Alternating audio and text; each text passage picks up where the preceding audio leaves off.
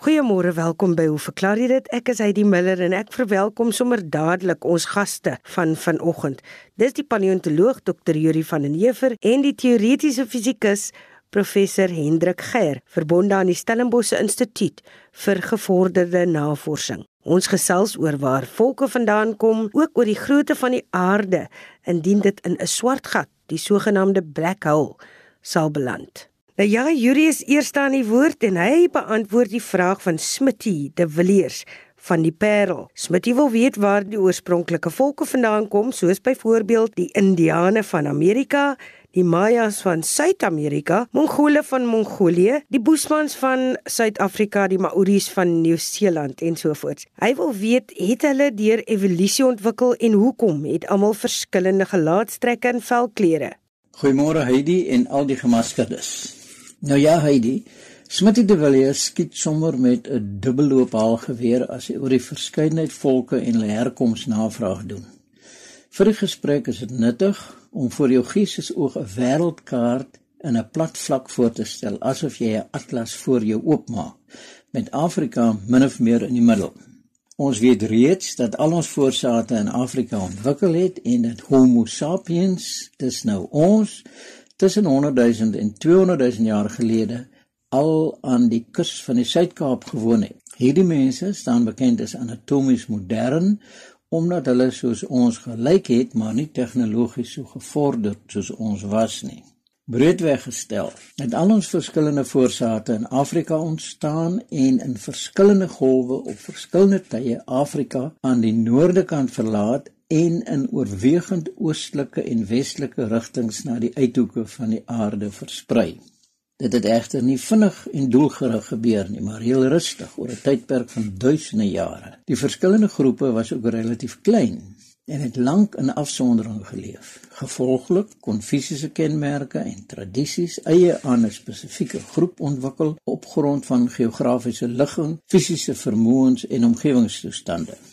Dit het ook godsdiens en kultuur beïnvloed. Daarom is dit dus nie vreemd dat die kulturele tradisie van byvoorbeeld die Eskimos nie elande en kameelperde insluit nie en dat walvisse eweens nie in die dierepanteon van die San figureer nie. Dus afsondering, verskillende klimaatsomstandighede, spesifieke geografiese gebiede en mutasies was die dryfvere wat tot die evolusie van verskillende vertakkings van Homo sapiens gelei het. Die bestudering van die menslike genetika lewer deesdae interessante deurbrake ten opsigte van die onderlinge verwantskappe tussen verskillende mensgroepe en hoe lank gelede hulle van mekaar geskei het en oor die aardbol heen versprei het. Die volksvertellings van die Inuit, die hedendaagse Eskimos of New Eskimos, sluit verwysings na 'n groep Eskimos wat tans nie meer bestaan nie in.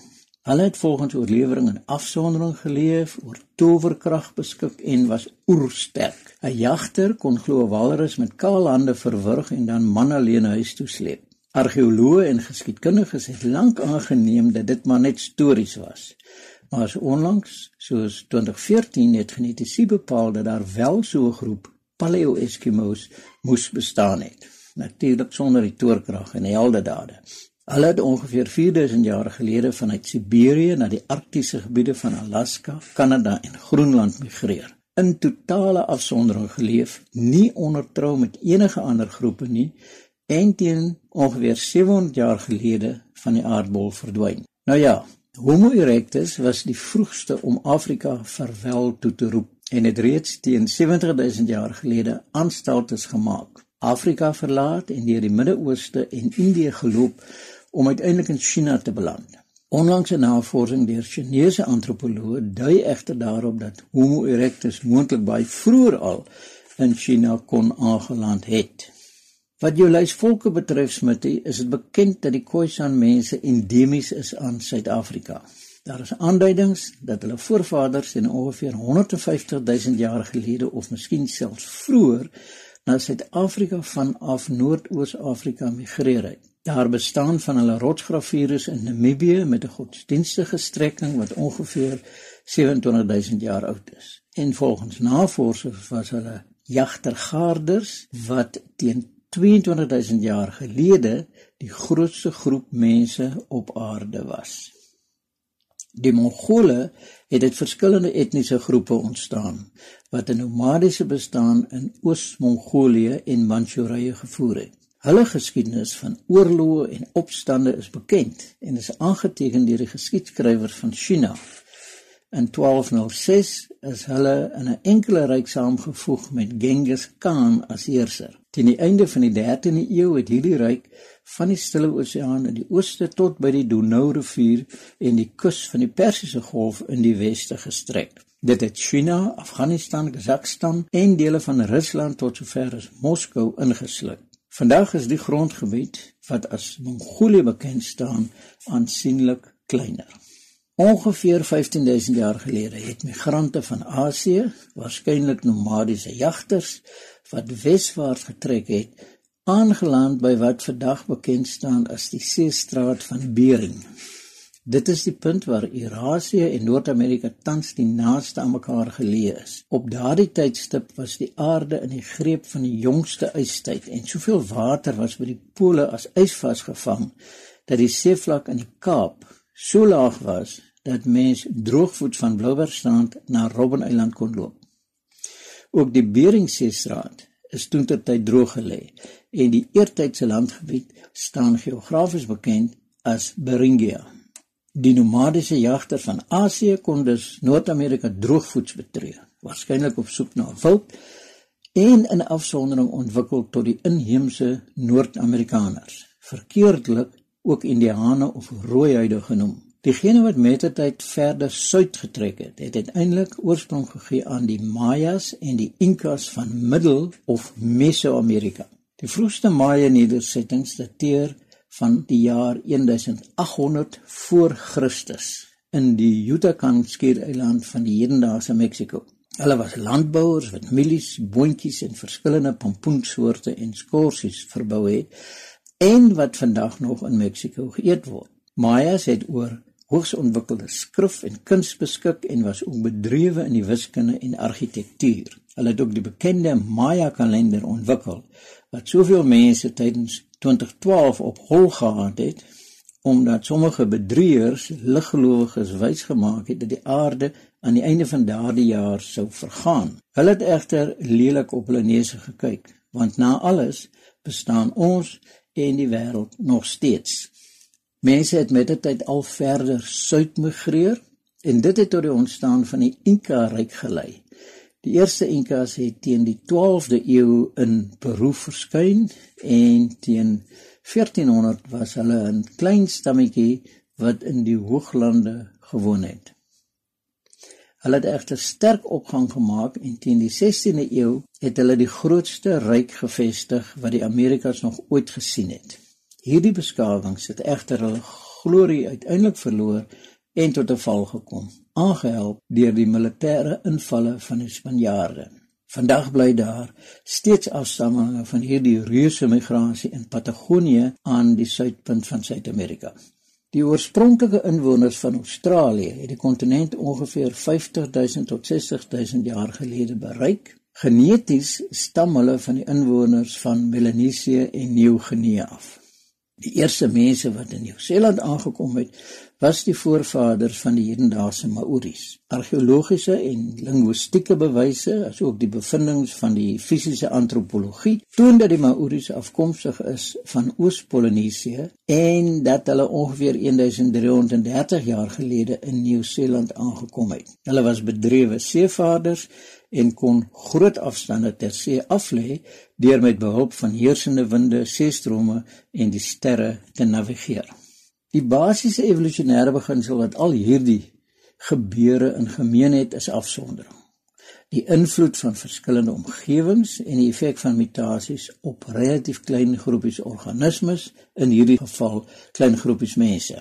In sonnige lande is mense se gelaat gewoonlik donker as gevolg van groter hoeveelhede melanien in die vel as beskerming teen die ultraviolet komponent van sonlig. Voorheen was dit noodsaaklik dat mense aan sonlig blootgestel word omdat dit die voorloper van Vitamiin D sintetiseer, iets wat ons self kan doen nie. Vandag het ons doodgewoon margarien wat Vitamiin D bevat. Lank voordat sulke margarien beskikbaar was, het Europeërs ligte velle ontwikkel sodat die veel swakker Europese sonlig darm die nodige effek op hulle velle sou hê. Dan is daar die verskynsel van genetiese drywing. Dit verwys na die effek wat 'n enkele mutasie op 'n klein groepies organismes kan hê. Die hoë voorkoms van cholesterol onder Afrikaners is 'n goeie voorbeeld hiervan.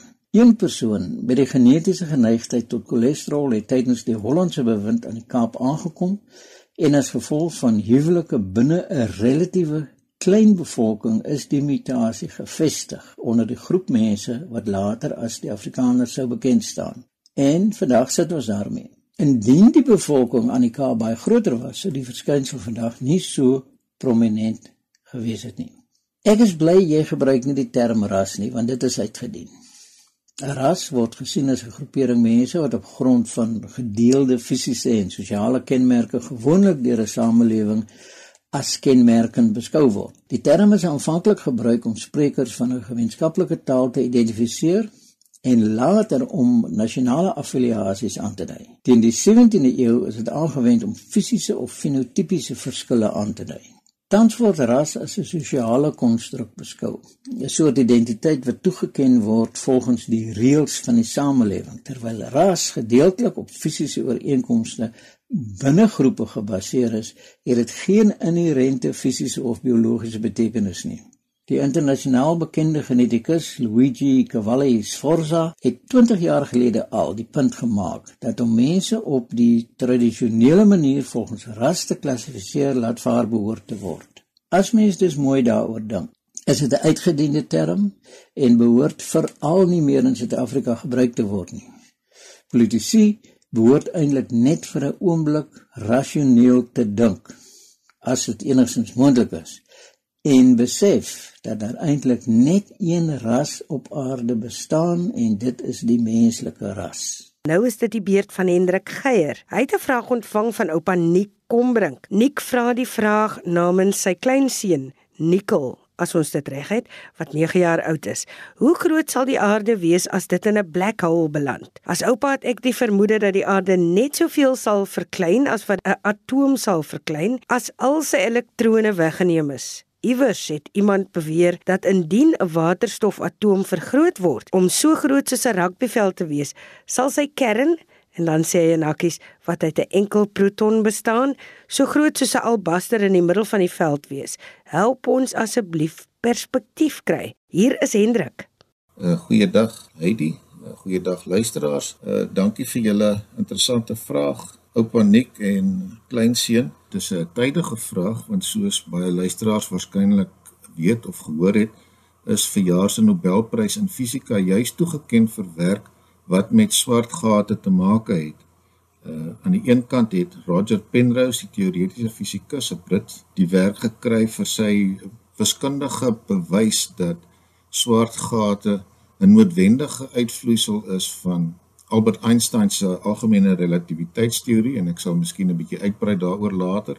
En dan het hy die prys gedeel met twee sterrekundiges, ehm um, astrofisici uh by name Andrea Getz, 'n uh, Amerikaanse vrou, uh en Reinhard Genzel, 'n Duitser wat onderskeidelik die leiers was van twee uh spanne wat oor 'n periode van oor ten minste 30 jaar gestrek het, uh werk gedoen het wat uiteindelik daartoe gelei het dat daar algemeen aanvaar word dat in die middelpunt van ons melkwegstelsel daar 'n supermassiewe kompakte voorwerp sit. Dit is ook die terminologie wat die uh, Nobelpryskomitee gebruik het. Uh, hulle het kort gestop daarvan om hierdie ding 'n swart gat te noem, maar dit is op die oomblik uh, die beste kandidaat uh, wat die uh, data wat oor hierdie 30 jaar versamel is uh, kan verklaar. So swart gate is beslis uh, in die nuus op die oomblik. Nou voor ek verder gesels hieroor, miskien net iets kortliks oor die terminologie. Black holes is die algemene term wat in Engels gebruik word en ek het agtergekom dat in die Afrikaanse literatuur veral die meer populêre literatuur daar neiging is om uh, na hierdie goed te verwys as gravitasiekolke. Ek dink dit is eintlik 'n bietjie onnodig om so 'n omskrywing te gebruik en en buitendien dink ek lei dit of kan dit lei tot onnodige misverstande want 'n swart gat word onder andere gekenmerk daardeur dat dit kan roteer of nie roteer nie. Nou as jy daai onderskeid nou nog meng met die terminologie gravitasiekolk, dan sit jy met iets soos roterende gravitasiekolke en nie roterende gravitasiekolke en dan moet jy nou verduidelik waar die kolk in die rotasie en die nie rotasie bymekaar aansluit. So ek dink dit is eenvoudiger om eenvoudig die terminologie swart gat te gebruik en dit is wat ek ook in hierdie program sal doen. Nou ek sal hoofsaaklik die vraag probeer beantwoord uh, in 'n effens gewysigde vorm, naamlik om te fokus op die vraag indien iets met die massa van die aarde 'n swart gat sou wees, hoe groot sou dit wees? Ek dink dit is eintlik ook implisiet in die in die res van die vraag so gestel, naamlik uh, om dit te vergelyk met wat 'n mens kan sê oor die relatiewe grootte van 'n kern uh, tot die van 'n atoom. Om net direk aan te sluit by die stelling wat gemaak is, um, 'n rugbyveld se afmeting omtrent 100 meter by 70 meter, kom ons werk maar met 'n 100 meter 'n atoom relatief tot die kern uh is omtrent 10 tot die mag 5 keer groter.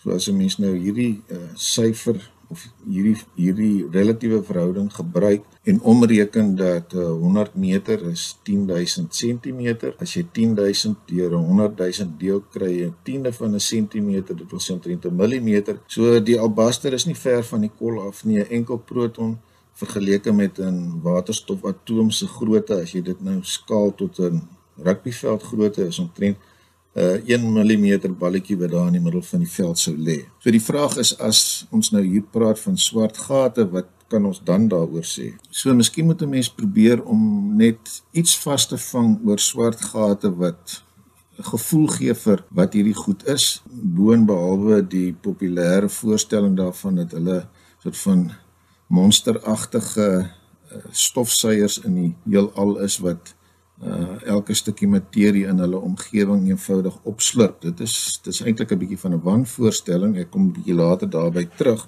Uh maar kom ons sê eers dat een manier waarop 'n mens kan dink oor die bestaan van iets soos 'n swart gat is om te onthou dat enige massiewe voorwerp het daarmee geassosieer 'n sogenaamde ontsnapspoed. So vir die aarde vir 'n vuurpyl om weg uh, geskiet te word, uh soveel sodat dit nie terugval op die aarde nie kan 'n mens gaan bereken dat daardie ontsnapspoed uh, omtrent 11 km per sekonde is. So al die ruimtetuie wat uh, byvoorbeeld na die maan gestuur is, uh, moet die aarde verlaat teen 'n spoed van daardie orde grootte om hoegenaamd aan die aarde se gravitasie uh, te ontsnap.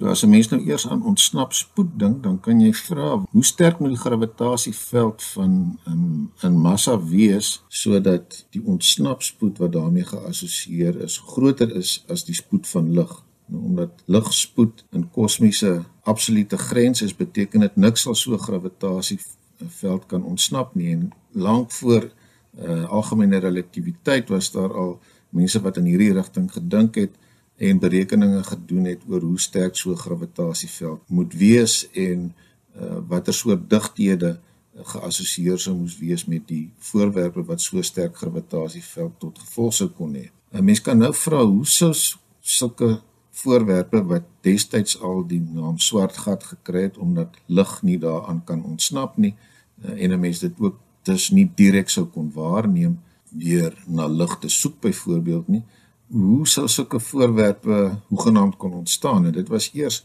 na mate sterrekunde en astrofisika begin ontwikkel het uh dat uh ons tot die besef gekom het dat een manier waarop so 'n swart gat kan vorm is aan die einde van 'n ster se lewensyd. Nou onthou, 'n ster soos ons son uh verskaf sy lig en warmte as gevolg van kernversmelting wat plaasvind. Maar daardie proses het 'n einde na mate hierdie kernbrandstof as dit ware opgebruik word en wanneer daardie punt bereik word, uh, is die druk wat geassosieer word met hierdie uitstraling nie meer voldoende om die gravitasie te oorkom wat met hierdie massa geassosieer is nie. So daar vind oor 'n baie kort tyd 'n massiewe inploffing as dit ware plaas en die resultaat is wat ons ken as 'n supernova, 'n geweldige uh ontploffing wat met die vrystelling van baie lig gepaard gaan en wat oorbly in die kern is dan iets wat ons 'n neutronster noem. Nou vir alle praktiese doeleindes is dit 'n voorwerp met omtrent 'n deursnit van rofweg 20 km uh, wat dieselfde digtheid het as wat 'n kern uh, in 'n atoom het. So as ons nou teruggaan na die prentjie wat ons net nou gehad het van die van die kern relatief tot die atoom wanneer 'n mens die goed opskaal na die grootte van 'n rugbyveld. Hier sit ons nou basies met 'n kern wat 'n deursnit van omtrent 20 km het. En 'n mens kan jou voorstel dat so 'n voorwerp 'n geweldige groot digtheid het om die waarheid te sê as jy dit gaan bereken, dan kom jy agter jy praat van digthede van omtrent 4 tot 6 maal 10 tot die mag 17 kg per kubieke meter. So om dit miskien 'n bietjie meer verteerbaar voor te stel, as 'n mens 'n teelepel vol van hierdie neutronster sou hê, dan sit jy met 'n massa van 4000 miljoen ton. Nou dit is eintlik onvoorstelbaar, maar dit is die soort syfers wat 'n mens uh, kan bereken. Nou as so 'n neutronster uh, se massa 3 of meer sonmassas is, uh, dan kan dit nou nog verder inplof as dit ware om uiteindelik 'n swart gat te vorm. So dit is een pad waar langs die formasie van swart gate redelik goed verstaan word, maar dit is nie die tipe swart gat waarvan die ontdekking uh, deur 'n Nobelprys hierdie jaar uh, bekroon is nie, uh, wat in die sentrum van ons Melkwegstelsel skuil is 'n objek wat glad nie hierdie ontwikkelingspad ontgaan het nie en die beste manier waarop die vorming van van sulke sogenaamde massiewe swart gate uh, op die oomblik verstaan word is dat hulle kort na die oerknal al reeds gevorm het. Die werk wat gelei het tot die ontdekking van die bestaan van so 'n swart gat in die sentrum van ons Melkwegstelsel het gebruik gemaak daarvan uh, dat die paaie ligpaaie as dit ware van verskillende sterre naby die sentrum van die Melkweg uh soos ek reeds gesê het oor 'n periode van omtrent 30 jaar baie noukeurig gevolg is uh en die slotsom was dat hulle almal roteer om 'n sentrum wat baie massief moet wees wat nie self liggewend is nie um en om 'n lang storie kort te maak die beste kandidaat wat op die oomblik hiervoor bestaan is die van 'n sogenaamde oerswart gat een wat kort na die uh oerknal reeds gevorm het. Verder het dit met die tyd gebleik dat hierdie nie 'n uitsondering is nie, maar eintlik meer die reël, naamlik dat daar in die sentrum van melkwegstelsels tipies uh, so 'n swart gat sit. Nou om terug te kom by my herformulering van die vraag, ehm uh, naamlik om eintlik te vra wat sal die grootte van 'n swart gat wees as dit dieselfde massa het as wat die aarde het? Moet net eers sê dat 'n swart gat het nie 'n radius of 'n deursnit in die gewone sin van die woord nie. Daar bestaan met elke swart gat geassosieer wat genoem word 'n gebeurtenis horison. Uh as 'n mens 'n proses sou beskryf waarin voorwerp direk na 'n swart gat inval, is dit daardie punt uh wat bereik word waarna geen sein meer van so 'n voorwerp ontvang sou kon word nie omdat dit alles uh in die invloedsfeer van so 'n swart gat uh vasgevang word. Maar as 'n mens hierdie sogenaamde Schwarzschild straal gebruik om die grootte van 'n swart gat te klassifiseer, uh, dan as jy die berekening gaan doen vir die aarde en hier hier kom 'n stukkie teenintuïtiewe fisika uiteindelik na vore, naamlik dat die uh die straal van so 'n swart gat is direk eweredig aan sy massa of as 'n mens dit nou in digthede wil gaan uitdruk dan kom jy agter dat die digtheid is omgekeerd eweredig aan die vierkant of die kwadraat van die massa. Hoe dit ook al sê as 'n mens die syfers gaan insit, uh Nico en Nik, dan kom jy agter dat 'n aardmassa swart gat radius van omtrent 1 cm sou hê en as 'n mens dieselfde berekening sou gaan doen om uit te vind wat sou die radius van 'n swart gat wat die massa van die son het hê, uh, is die antwoord omtrent 3 km.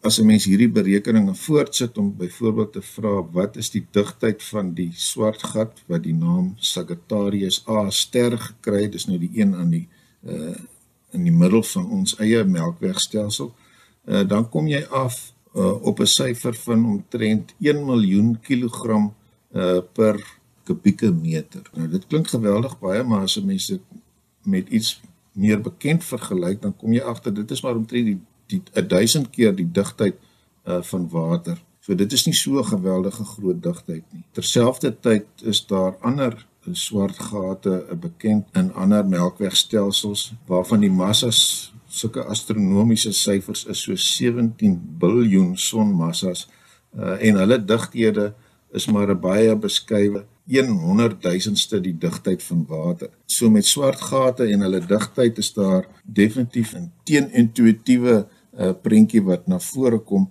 maar terug by die by die oorspronklike vraag in swart gat met die massa van die aarde sal in radius van omtrent 1 cm hê. Nou om af te sluit, ek het die vraag uh spesifiek uh, hervorm want dit oorspronklik gelei hoe groot sal die aarde wees as dit in 'n swart gat beland. So daar stel mense jou nou voor 'n proses waar die aarde as dit ware by 'n swart gat inval en as jy dieselfde vraag vra vir enige voorwerp wat inval op 'n swart gat, uh, raak die storie nogal gekompliseer. Uh in detail kan 'n mens sê dat so iets aan geweldige gravitasiegradiënte onderwerp sal word en daar selfs 'n woord geskep vir daardie proses, naamlik die spaghettifisering. So dinge word dun uitgereg Uh, maar kort hierna begin die storie eintlik amper soos wetenskapsfiksie klink uh wanneer 'n mens moet begin praat van wat iemand waarneem wat na die invullende voorwerp kyk wat by die swart gat inval en wat as dit nou iets met 'n bewussyn is uh gebeur volgens die invallende persoon. En vreemde stories kom hier uit uh, na vore. Ek dink nie ek het vandag tyd om hierop in te gaan nie. Ten slotte miskien net die opmerking dat as ons byvoorbeeld die son met 'n swart gat met 'n soortgelyke massa sou vervang, sou ons eintlik nie die verskil agtergekom het nie behalwe dat die swart gat natuurlik nie sal skyn nie, maar die aarde sou nog steeds dieselfde wentelbaan om hierdie swart gat gevolg het as wat dit om die son volg. Onthou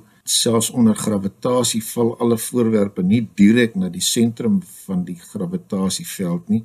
Baie meer algemeen is die situasie dat daar sprake is van 'n wentelbaan van verskillende tipes uh om so 'n voorwerp wat 'n gravitasieveld met hom geassosieer het. So die aarde val in 'n sekere sin die heeltyd maar val rondom die son en nie direk na die son nie. So die prentjie wat dikwels voorgehou word van swart gate as kosmiese stofsuiers is in dieselfde sin uh ook 'n bietjie misleidend uh en 'n mens kan praat van die invloedsfeer van 'n swart gat uh en dit is verwerk wat hiermee verband hou uh wat 'n deel van verjaar se Nobelprys toegeken is. So oupa Nick en kleinseun ek hoop dit help julle so klein bietjie dink oor orde groottes van dinge wat 'n mens swart gate sou noem. Ek sê baie dankie aan vandag se wetenskaplikes, die paleontoloog Dr. Yuri van den Heever en die teoretiese fisikus professor Hendrik Geier. Stuur gerus ook jou vrae aan ons by hoe verklaar jy dit posbus 2551 Kaapstad 8000 of stuur vir my 'n e-pos na heidi@rsg.co.za. Ek groet tot aanstaande week.